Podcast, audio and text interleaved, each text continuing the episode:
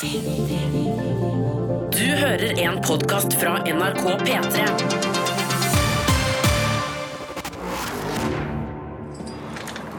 What's your name, Buster? Well, it certainly isn't Buster. It's Sigurd Vik. Filmpolitiet. God fredag, godtfolk, og velkommen til Filmpolitiet. På plakaten i dag så har vi selvfølgelig alle ukas kinopremierer, som inkluderer den festlige og delvis norske animasjonsfilmen Rikard Storken. Vi skal også diskutere noen saftige rykter og nyheter som har dukka opp de siste dagene og de siste timene. Blant annet at Game of Thrones kan få så mange som fire, ja, fire spin-off-serier etter at serien er ferdig. Uh, wow. Spillene A World to the West og Little Nightmares skal anmeldes, og så har vi en real godbit til alle filmgeeks der ute. Kurt Russell er med i både Fast and Furious 8, som går på kino nå, og den siste Guardian of the Galaxy-filmen. Vi har møtt actionlegenden, og den praten skal du selvsagt få høre. Filmpolitiet anmelder film. Hvem har vi her? Rikard! Hva skal jeg gjøre med deg, da? Rikard Storken er en dataanimert familiefilm med sprudlende rollefigurer og fargevakre bilder. Filmen, som har tyske regissører og norsk hovedprodusent, har mange kvaliteter som vil treffe godt hos både liten og stor. Handlinga er tradisjonell og følger en klassisk underdog på reisehistorie, men med et overskudd av kreative ideer, vittige replikker og ikke minst noen herlige skurker, så blir det her en fartsfylt og festlig filmopplevelse. Vi må trekke sørover før vinteren kommer. Jeg er klar som et egg! Den foreldreløse spurven Richard har vokst opp hos en snill storkefamilie, og han er overbevist om at han er en av dem. Men når storkene skal fly til Afrika, må sannheten fram. Richard er spurv, og spurver kan ikke fly over havet. Det er en beskjed den lille fuglen nekter å ta inn over seg, og han er fast bestemt på å vise verden at han er en ekte stork som kan komme seg til Afrika på egen hånd. Det blir en turbulent reise gjennom Europa, hvor farene på veien og hjelperne Richard møter, står for underholdninga. Sammen med den storvokste pygmeugla Olga, hennes fantasivenn Oleg og den diskogale sangfuglen Kiki utgjør spurven et reisefølge av ensomme drømmere som ikke helt har funnet sin plass her i livet. Er du venn med en ugle? Vi er ikke venner. Hva? Filmskaperne Toby Genkel og Reza Memari har klart å treffe eventyrfølelsen i Richard Storken. Emosjonelt når ikke filmen den punkteringskraften i det triste og det vonde som de aller beste animerte familiefilmene klarer, men den har sine styrker i vakre landskapsskildringer og rike bakhistorier. Og så høster den friskhet og kulhet ved å flette inn roadtrip-sjangerens tradisjonelle motiv med veikroer og sentralstasjoner. De norske stemmene bidrar i stor grad til å gjøre det her til helstøpt familieunderholdning.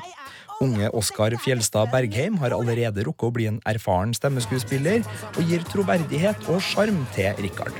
Og så er det jo en fest å høre Bjarte Hjelmeland dryl på i rollen som diva-undulat med en fasade av is, men en skyldfølelse av gull. Hva er det du driver med? For meg blir det et par fuglerelaterte ordspill for mye, og et lydirriterende og slitsomt poeng med internettduer som er hekta på tilkobling, er ikke helt min humor. Men det blir aldri overdose, og her er det nok av smarte referanser. Fra Vam og Vennerød til italienske mafiakråker, til at alle med sans for animerte eventyr nok vil kose seg i kinomørket. Terningkast fire. Dette er Filmpolitiet På P3. P3. Og vi skal snakke om en animasjonsfilm som heter Rikard Storken.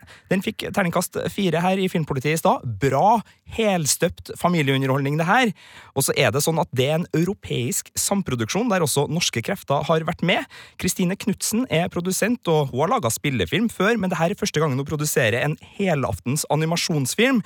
Hun forteller øh, altså hvilke utfordringer da, man støter på med et så stort budsjett og filmarbeidere i flere land. Eh, jeg tror nok jeg støtter spesielt på det at det tar to og et halvt år å lage filmen. og det koster eh, 90 millioner kroner. Det var en annen liga enn det jeg har jobba med før. Så jeg har, gjort, jeg har gjort tre spillefilmer, og de var nok mer sånn eh, ja, mer i normalt til litt lav budsjett, og eh, mer kunstnerisk eh, Men det her er en mer kommersiell film. Eh, altså kunstnerisk og kommersiell. Og så er det det at det er utrolig teknisk. Altså det er så mange, og alle arbeidsskritt man gjør, på en måte Det er som et urverk som blir gitt videre til neste. Og når det skjer i fem ulike studioer i fire land, da er det mye som kan, kan skje. Så det, det, er liksom en enorm logistikk. Men det er også, ja, også veldig veldig gøy, for det er et sånt stort kulturelt eh, europeisk samarbeid. Når man gjør det for første gang, er det en bratt læringskurve for deg som produsent? Ja, det kan du si. Ja. Nei, jeg tror, jeg tror, vi er litt sånn som karakterene i filmen. At vi er litt sånn underdogs. Som, eh, altså, det er en spurv som tror han er en stork, og vi er litt eh, altså, en spillefilmprodusent som jeg tror jeg er en animasjonsfilmprodusent. Så jeg hadde ikke gjort det før. men jeg har laget korte animasjonsfilmer, så jeg kjenner jo til teknikken. Men dette er på en måte Hva skal man si For oss var det liksom kongeklassen å lage en sånn stor, dyr, kompleks film, da. Rett og slett. Så vi har lært enormt mye. Og jeg har jobba med prosjektet i åtte år. Sånn at eh, Vi har jo hatt mye tid til å lære også, da. Men en eh, animasjonsfilm eh, på denne størrelsen og med dette budsjettet, det lages jo ikke her i Europa. Det er de over dammen som gjør sånt. Eh, hvorfor ble Rikard Storken så svær? Ja, altså det, det, lages noen sånne filmer i Europa. Det er ikke mange i året. Og, og de blir vel mest ofte laget nede på kontinentet, da. Men på en måte den klassen og kanskje dobbelt budsjett også, det får man til i Europa. Men men det jeg tror er spesielt her hos oss, er også at det er en originalhistorie. Og det, det, det, gjør de jo i USA, og der tør de å på en måte lage en merkevare med den originale filmen. Mens ofte i Europa så det, sier man at nei, det er høyrisikosport, så vi tar og setter på en merkevare. Eller en barnebok. Men, så det tror jeg er på en måte litt spesielt med filmen. Rikard Storken er jo en europeisk eh, samproduksjon. Hvor norsk er den egentlig? Går det an å si det? Ja, er, eh, jeg syns den er veldig norsk. Altså, vi har jo gjort masse, masse, av animasjonen i Norge. Altså, eh, en tredjedel av animasjonen gjorde vi i Bergen. Og det tok jo godt over et år. Eh, så der satt det masse folk. Og så har vi gjort hele postproduksjonen i Norge. Og det er både på lydsiden og også det vi kaller fargekorrigering på slutten. og og lage de ulike versjonene. Så det har vært veldig mange nordmenn involvert i den prosessen. Og um, ja, og er norsk.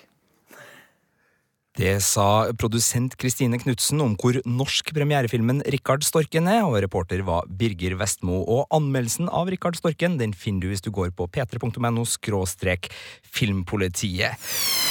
Filmpolitiet. Dette er P3. Filmpolitiet anmelder film. أنا ما خاطر نخدم كوميرسيال في بيجو دونك يبعثونا نعمل دي بروسبكسيون بالشركات Min arabiske vår er en stillferdig og fornøyelig film om en ung manns kamp mot avgjørelsene som blir tatt på hans vegne. Hovedrolleinnehaver Majd Mastora bærer filmen stødig i rollen som den sosialt overkjørte Hedi, som finner sin personlige frihet når han kommer seg bort fra en morsdominert og ferdigbestemt verden. Det er en bittersøt reise gjennom et Tunisia hvor etterdønningene fra revolusjonen i 2011 fremdeles sitter i lufta. Hedi har en solid jobb som bilselger og skal snart gifte seg. Men hans kommende kone er det mor som har valgt. Hjemme er det mor som bestemmer, og i en bilbransje i nedgang er Hedi en ynda hakkekylling for en usympatisk sjef. Men denne tiltaksløsheten endrer seg da han blir sendt på en ganske håpløs tur for å selge biler i feriebyen Madia. Her treffer han Rym, spilt av Rym Ben Mesaoud, som jobber på hotellet. Og de to finner en tone som åpner nye perspektiver og framtidsutsikter for dem begge. De kondisjonerer. Majd Mastora vant Sølvbjørn på filmfestivalen i Berlin for sin hovedrolle, og Hedi er en figur som foldes ut på nydelig vis etter hvert som den inneslutta 25-åringen blomstrer til liv. Både som arbeidstaker, som sønn, som elsker og som sviker klarer Mastora å gi en troverdig og poengtert prestasjon som viser en mann som hele tida er outsider, men likevel finner tilhørighet i alle sosiale settinger. Filmen har noen unødvendige klipp hvor både motiver og rytme gjør lite for vår forståelse av scenene, men de er få og til liten sjenanse for en gjennomført estetikk som smaker av hverdagsrealisme. اتصور هي دمية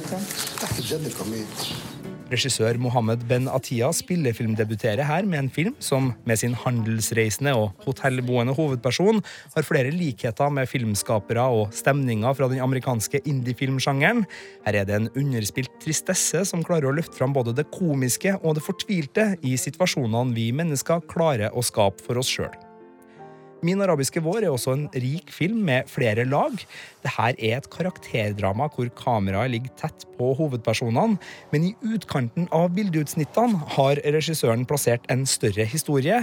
Der ser vi glimt av sosial urettferdighet, strenge tradisjoner og økonomiske utfordringer, som gir dybde og klangbunn til en film med stort tolkningsrom i spennet mellom stat, familie og personlig frihet. Terningkast fem. Filmpolitiet. På P3.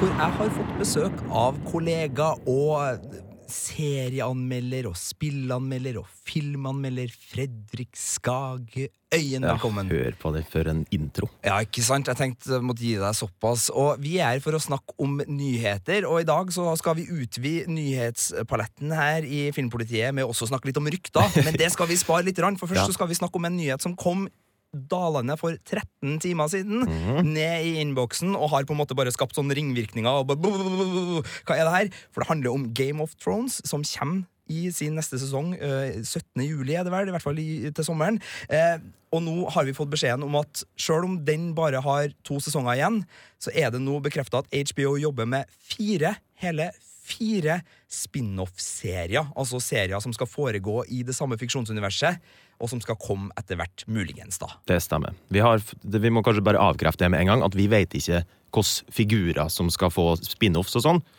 men at det kommer, se det er sikkert og tvist. Ja, i hvert fall hvis de blir bra. For det som skjer er at det er fire manusforfattere nå som har fått i oppdrag å begynne å jobbe på det her. Og Mm. det er Jane Goldman, som har skrevet for X-Men-filmene. Det er Brian Helgeland, som har blant annet skrevet A Night's Tale med Heath LA Ledger. Confidential, ikke sant? Han har gjort masse bra. Og så er det Carly Ray, som har vært på Mad Men-serien. Og så er det Max uh, Bornstein, som har laget, eller, vært på Godzilla og Kong Skull Island, som fremdeles går på kino. Og så er det også sånn at George R. R. Martin sjøl er med og hjelper vel både Helgeland og Gold- Carly Ray. Både Goldman og Ray Ja. får hjelp av selveste Goldman og Ray, ja, sant? Så, der, så de får hjelp av sjølveste skribenten, da, altså forfatteren av bøkene uh, som Game of Thrones er basert på. Det her er jo kjempespennende, og det er jo veldig sånn Hvem vil vi se Ja. i spin-off-serier? Hvis jeg får komme med et, eh, et tipp Ja, du gjør det. Ned Stark får sin egen spin-off. En ung Ned Stark En hadde vært artig. En ung son of uh, Stark, skulle du si. Ja, det, Det, tror hadde vært litt artig. Mm. Ja.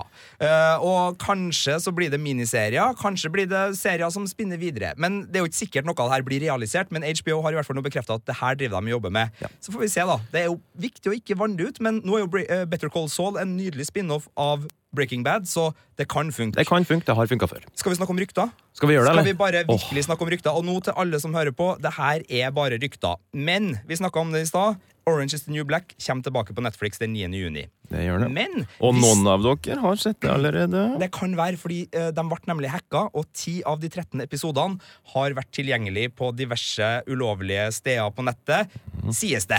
For det har jo ikke vi uh, oversikt over, Altså, men, jeg- men eh, det, det, det sies. Eh, og nå kommer det også et rykte om at Netflix har funnet en veldig smart måte å straffe dem som har gått inn og sett de ti første episodene på. Det stemmer.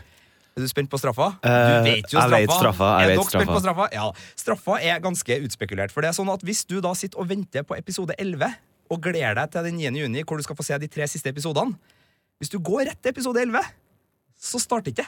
Da låses det. Du må se episode 1, 2, 3, 4, 5, 6, 7, 8, 9, 10 for å få lov til å se episode 11. Det er ryddig, syns jeg. Det er superfinurlig og ganske slemt, men allikevel så skjønner jeg det. Så det sånn der, hvis det hadde vært et plott i en TV-serie, så hadde jeg tenkt sånn Aha! Kult! Men igjen, det her er bare rykter. Det er, eh, skal vi se, Nå skal vi også eh, si hvem det er som har starta ryktet. holdt jeg på å Si. Det er et nevested, det er TV-web, er det et nettsted som heter, som er ganske eh, god, men de har liksom Artikkelen starter med sånn Vi har hørt snakk om via, via, via, via. Ja, en venn av en venn av en venn har sagt til oss at bla, bla. Så det er jo ikke sikkert. Men eh, i så fall litt sånn nesten hatten av til Netflix, Mm. samtidig som det er skikkelig dårlig gjort også, da, sånn for serieopplevelsen sin del. Men sånn er det jo. Man må jo bekjempe eh, pirater så Klart godt man kan. Hva annet sånn? skal de gjøre? Eh, nei, det er jo mye annet de kunne ha gjort, men, eh, men hatten av for en kreativ eh, løsning på, på et eh, piratproblem. Hvis det er sant, da. P3. Filmpolitiet anmelder spill.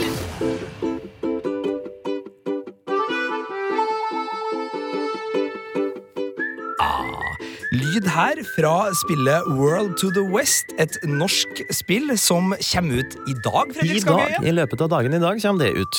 Hvor det kommer ut den? Eh, både på Altså, det er jo på Steam, da, og på PlayStation 4, på Xbox One, ja, og på Wii, Wii U. Du må fortelle meg, hva slags spill er det her? Altså, Du hører jo musikken her, da. Du, Ganske jo, lystig. du skal få ett forsøk uh, på uh, tipp. Er det her et koselig spill? Happy eventyrspill. Ja, det stemmer på en plett. Det, det, det er noe av det koseligste jeg har vært borti. for en premie, for en premie, for en premie, for en premie. Nei, det får du ikke. Eh, Nei. Fortell mer. Nei, eh, det er Man går rundt i en stor, eh, ganske stor åpen verden. Alt er sett ovenifra. Du styrer fire små figurer og skal gå rundt og løse gåter. Eh, noe som jeg ikke er best på i verden. Eh, så den på en måte største kritikken av det spillet her er at jeg er dum. Eh, Noe det tror jeg, jeg tror vi ser, altså, Spillskaperne lever helt fint med det. Det tror jeg de skal få til, faktisk. Men, eh, men det er et veldig stilig konsept, altså, for at de fire små figurene du styrer, har hver sin handling, på en måte, hver sin, sin handlingskurve, men de er liksom sydd sammen på en ganske elegant måte. For noen, noen små gåter må du på en måte samarbeide om å få til. Eh, ja. Det stemmer på en plett, alt jeg sier nå. Det stemmer på en plett. Eh, navn på rollefigurer, handling, altså sånne ting. Min, jeg kan i hvert fall si min personlige favoritt, en fyr som heter lord Clonington. En stor, sånn gammeldags muskelmann med snurrebart og bowlerhatt. Som springer rundt og banker opp rare monster. Det er veldig, veldig flott, altså. Fikk jeg veldig sånn sirkusbilder Ja, ja, ja, det, jo, det er der. veldig sirkusaktig. Det er det. det er utrolig, det, den følelsen jeg sitter igjen med, er kun at det her var et utrolig koselig spill. Eh, Hvor stort er det altså omfangsmessig? Er det sånn gjort unna på en eh, ettermiddag? Eller er det Nei, det, du må, altså, det spørs jo litt som sagt hvor god du er til å løse gåter, selvfølgelig. Men, men i seg sjøl så er det ganske stort, altså. Jeg, ikke, jeg er ikke helt ferdig ennå. Det er jeg ikke. Og da har du spilt cirka Jeg har vel spilt en ti-tolv timer, da, kanskje. ja, sånt, ja. Men en veldig sånn fin helgeaktivitet for dem som nå kjenner at det Veldig trigges, fint. eh, Og det ja. som må sies, da, er jo at det er norsk. Eh, Det er det bergensbaserte selskapet Rain Games som står bak det her. Så hvis du, vil- og det er på norsk, altså norsk tekst i spillet. Ja. Så det er et veldig veldig koselig norsk spill. Det er godt. Hvem er det for? Det er for uh, alle aldre, vil jeg påstå. Ja, Og Ja. dem som er litt smartere enn deg? Det er for, helst folk som er litt glupere enn meg. Men, Da er ikke jeg eh, der. Nei, nei, det kan jeg. det trenger vi ikke ta på lufta. Nei. Men uh, veldig realt. Jeg håper jo du har kommet dit hen at du er villig til å sette uh, meninga di bak en terning her. Jeg- får uh... Den kommer seg opp på femmeren. Det gjør den, altså. Det Det, er, noen, det er et par svakheter, og det er ikke bare det at jeg er dum. Det er litt irriterende og frustrerende som en gang, men, men det er såpass gjennomført at det får fem. Dette er Filmpolitiet Filmpolitiet. på P3. Filmpolitiet anmelder spill. Vi anmelder spill her i Filmpolitiet, og Fredrik Skagøyen, spillanmelder. Her hører vi lyd fra Little Nightmares. Det her er ganske creepy. Det er veldig creepy. Det er uhyggelig, vil jeg påstå. Jeg må bare høre litt mer her. Øh. Ja, ja, ja. Ja. Det, det er, nok en gang så avslører musikken litt hvordan spillet er. Ja, for Med en tittel som Little Nightmares og den her litt creepy sånn barneroms uh, gone wrong-musikken i bakgrunnen Fæl tanke, forresten. Ja. Uh, hva slags spill er det her? Nei, det er jo som du kanskje har resonnert deg fram til, Sigurd Vik. Et uh, skrekkspill, må det gå an å kalle det. Selv om jeg var kanskje aldri direkte skrekkslagen, så satt jeg med en sånn uhyggelig følelse inni meg hele spillet. For det handler om at man skal Man er et lite barn, barbeint og i en regnfrakk, som skal snike seg rundt i et svært, flytende slott av noe slag, og unngå å bli spist da, av eh, store, tjukke, rare, groteske monster.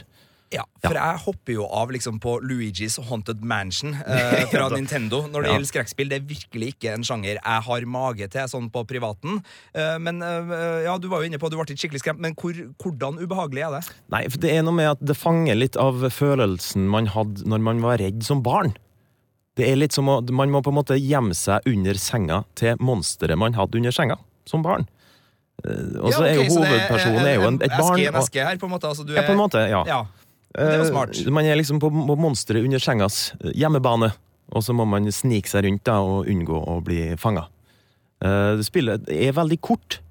Det er vel kanskje det eneste jeg har å si til, til en form for kritikk her. Hvor mange timer brukte du? Tre? Tre-fire, kanskje? Noe sånt, ja. Ja, Eh, det det var, var brått ferdig, men eh. noen ganger så er det veldig fint.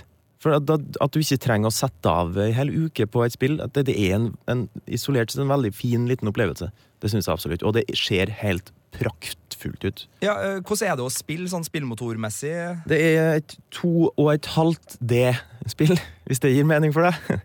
Man ser det på en måte fra sida, da. Men man kan bevege seg i dybden, så man får liksom illusjonen av at det er i 3D, selv om det egentlig er i 2D. Og, og som jeg sa, det, det ser altså så fint ut. Eh, Selv om det ser veldig stygt og groteskt og jævlig ut, så er det et veldig, veldig vakkert visuelt sett. Er det sømløst å spille? Det Ja, ja, ja. ja det, nei, det, det gikk flytende. Det var et elegant lite spill. Og det er liksom, Man må snike seg rundt, man må løse små gåter, man blir jagd av rare ting. Eh, Det er liksom det, Og man kan spille i én sitting, noe som gjør, gjør det til en, en bedre spilleopplevelse på én måte. Ja, Du slipper å sove på det og glemme det Ja, og må sette deg inn Du er inne i opplevelsen hele tida, og så er den plutselig ferdig. da. da og det er nok ikke et spill man spiller igjen. Nei, men ubehag, eh, kort tid og en god greie. Altså, det her høres ut som noe man kan få gjort enten på fredagskvelden eller lørdagskvelden eller søndagskvelden. Eh, Hvor er det tilgjengelig? Det er tilgjengelig på PlayStation 4, på Steam og på eh, Xbox One. Little Nightmares. Hva blir terningen, da? Terningen blir fem. Det er nøyaktig det det prøver å være. Filmpolitiet. På P3. I Filmpolitiet nå så kommer det til å handle om en skikkelig real actionhelt, nemlig Kurt Russell, som er aktuell i Guardians of the Galaxy volum 2 og også Fast and the Furious 8. Birger Vestmo har nemlig vært og truffet Kurt Russell, men før vi skal høre det møtet, så skal vi ta et lite gjenhør med den aktuelle kinofilmen som går på kino nå. Her får dere anmeldelsen av Guardians of the Galaxy volum 2. So we're saving the galaxy Guardians of the Galaxy Volume 2 viser at universet av helter og skurker som ble etablert i den første filmen, er levedyktig. Også denne gangen er det den kjærlige kjeklinga og kranglinga mellom figurene som tilfører filmen den beste underholdningsverdien. Ikke først og fremst de fargerike og fantasifulle spesialeffektene, sjøl om også de er spektakulære og nær psykedeliske i all sin digitale prakt. Filmen mangler et klart fokus og et konkret mål, men har til gjengjeld noen historietråder om familiebånd som når overraskende dypt til en superheltfilm å være. Derfor er Guardians of the Galaxy Volume 2 en fornøyelig oppfølger i en publikumsvennlig innpakning. This is weird. We've got a sovereign fleet approaching from the rear. Why would they do that? Probably because Rocket stole some of their batteries. Dude! Gjengen med tilnavnet Guardians of the Galaxy er moroklumpen Peter Quill, spilt av Chris Pratt, tøffe Gamora, spilt av Zoe Saldana, muskelberger Drax, spilt av Dave Bautista, vaskebjørnen Rocket, spilt av Bradley Cooper, og trefiguren Baby Groot, spilt av Vin Diesel. De jages gjennom universet av en hevngjerrig dronning de har forulempa. De får uventa hjelp av en figur som kaller seg Ego, spilt av Kurt Russell. De videre videreverdighetene avslører ukjente detaljer om Peter Quills opprinnelse, samt introduksjon av flere fargerike personligheter i skjæringspunktet mellom venn og fiende. I was being sarcastic. Oh no, you're supposed to use a sarcastic voice. Now I look foolish. Can we put the bickering on hold until after we survive this massive space battle? More incoming. Akkurat som i flere nyere blockbuster-filmer, deriblant Fast and Furious-serien, har også Guardians of the Galaxy Volume 2 et tydelig fokus på familiebånd. Flere av figurene får anledning til å fundere over sin tilhørighet, og ta oppgjør med seg sjøl eller sine nærmeste. Sjølsagt behandles denne tematikken sparsommelig. Dette er tross alt et sci-fi-eventyr, der man ikke har tid til å gå for dypt inn i materien. Men det her gjør likevel at filmen tilføres større tyngde, og blir dermed mer enn tomt og pent Hollywood-fyll. Yeah, I guess, yeah, I feel a general unselfish love for just about everybody. No, sexual love. No, no, I don't. For her. No! Guardians of the Galaxy Volume 2 har ikke helt den samme friskheten over seg som gjorde den første filmen så minneverdig, men er en godkjent toer som aldri kan beskyldes for å kjede sitt publikum. See, you just told everyone your deepest, darkest secret. Dude, uh, come on. I think you're overreacting a little bit. You must be so embarrassed. Terningkast fire. Filmpolitiet. Filmpolitiet. Les mer om film, spill og serier på p3.no Filmpolitiet. hvor det nå skal handle om Kurt Russell. Han spiller rollen som Peter Quills far Ego i Guardians of the Galaxy volum 2, som går på kino nå. Og skuespiller Ringreven har jo jobba med faget siden tidlig på 1960-tallet.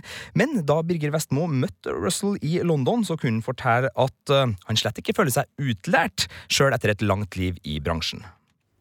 Oh, you learn from real life, you know. You learn from the actors you work with, directors you work with, writers you work with. You learn from those experiences. You don't.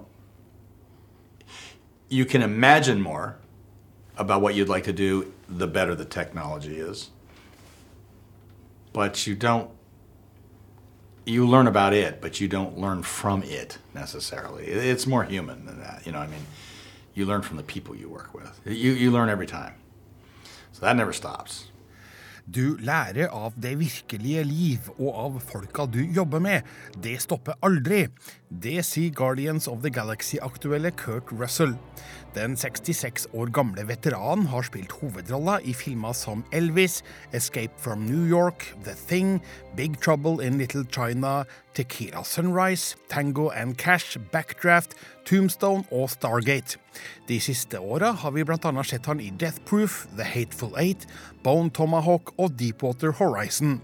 Nå spiller han altså i romeventyret Guardians of the Galaxy Volume 2, oppfølgeren til den svært populære Marvel-filmen fra 2014.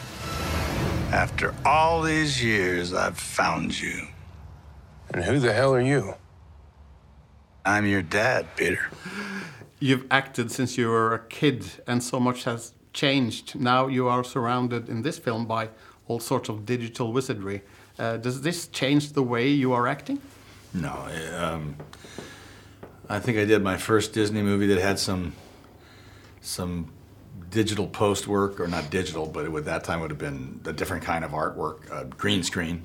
Probably when I was, I don't know, 17, something like that, 17, 18. It's still the same, still done the same way. It's just better. It- there's there's just more ability here.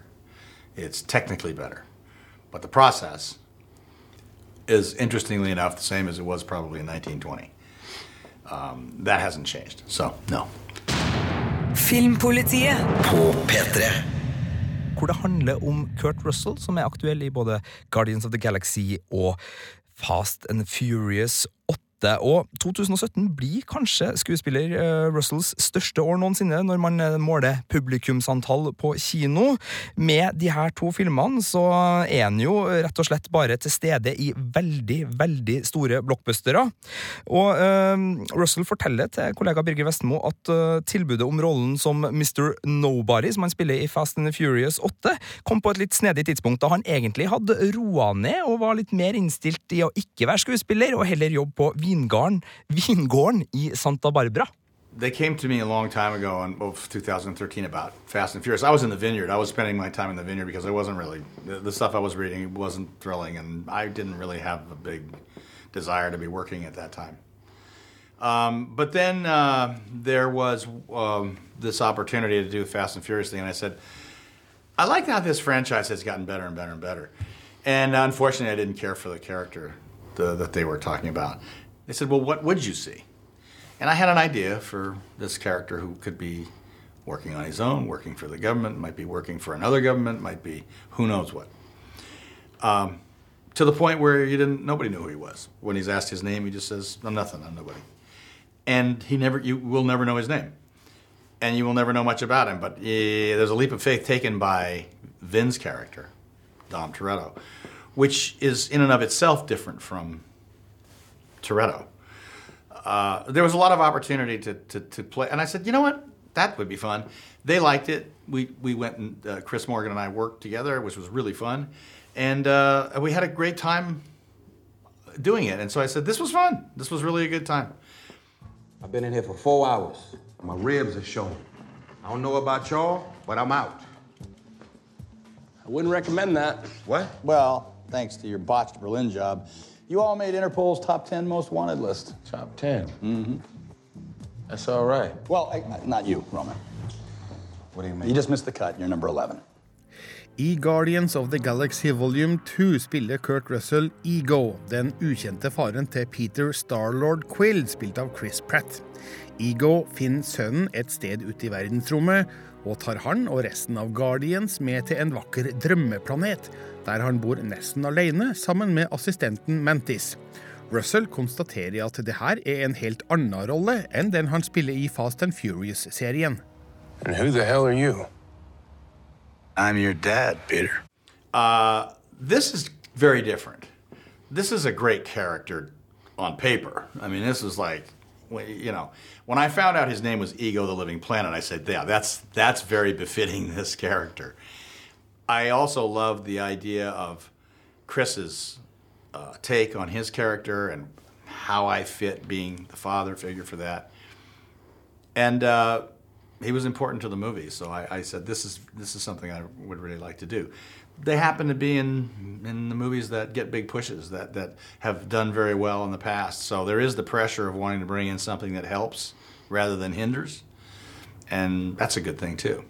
Ja, Kurt Russell er en ganske kul fyr. Jeg tenker det er helt greit det, å stå og henge på vingården sin og så tenke sånn Nei, jeg har ikke lyst til å jobbe på en stund. Og så kommer det noen og bare sånn Hei, jeg har lyst til å være med i Fast and Furious 8. Jeg, bare, jeg vet ikke om jeg liker den karakteren. Kan jeg skrive noe om og gjøre den sånn som jeg vil ha den, eller? Ja, selvfølgelig. Ok, da jeg kan bli med i Fast and Furious 8 og spille med Win Diesel og Christopher Hivju hvis dere vil, da.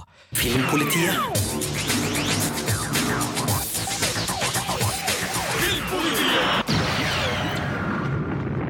Og her i Filmpolitiet så er vi jo veldig glad når vi kan komme med noen skikkelige anbefalinger, enten det gjelder kinofilm eller spill eller serier. Men det er jo også greit å komme med noen advarsler av og til, for det er jo ikke alt der ute som vi syns det er verdt å bruke tida si på. Og på kino denne helga, i dag, så er det premiere på en film som heter The Shack.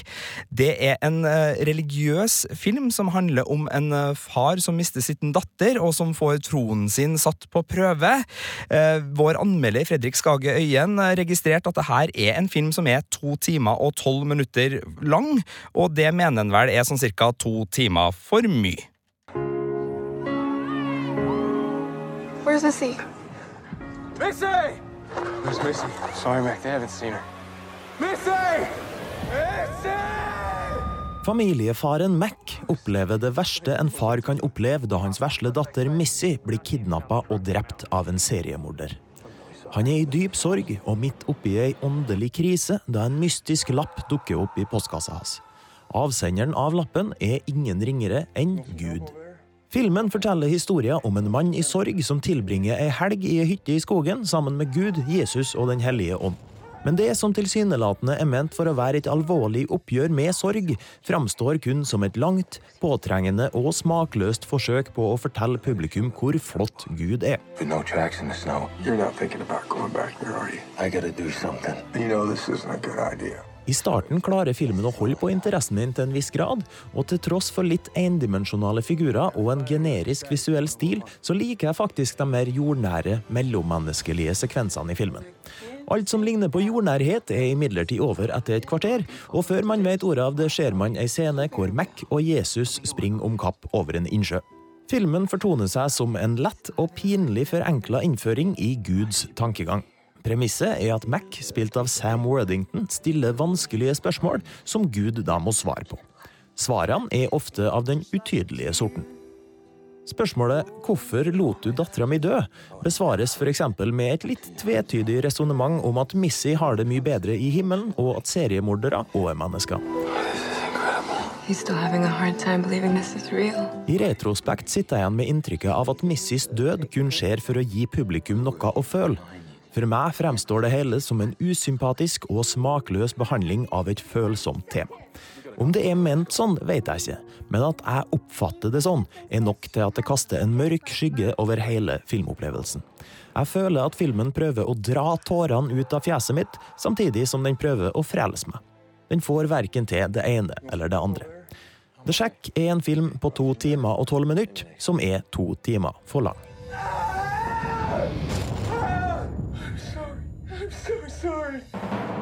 Terningkast to. P3. P3. Filmpolitiet anmelder film.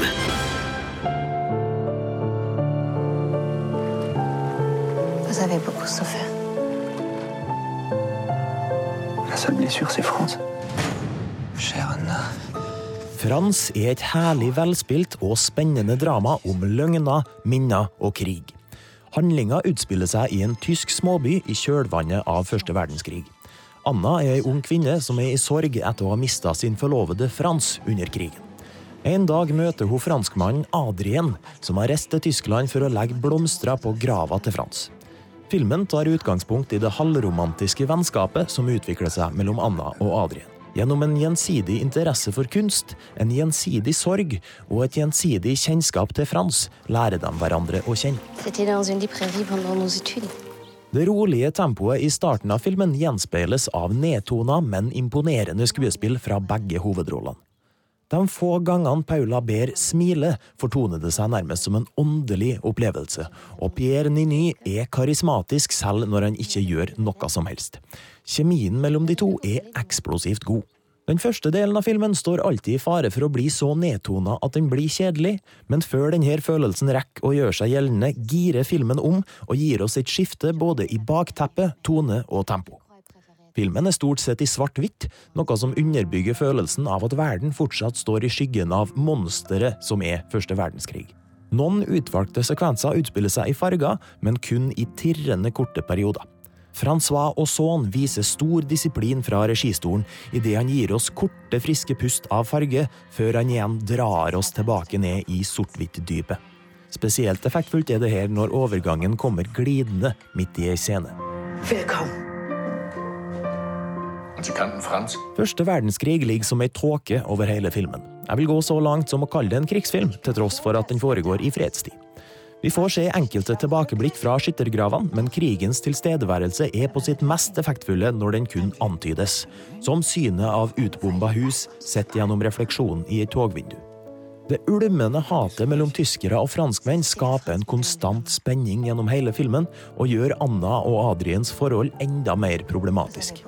Det er historie som kaster deg rundt i uventa vendinger, og som hele tida sår tvil om hva som er sannhet og hva som er løgn.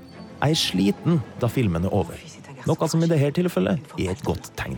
Ce n'est pas moi qui tourmente votre fils, madame. C'est Franz. Terningkast fem. Du finner flere podkaster på p3.no podkast.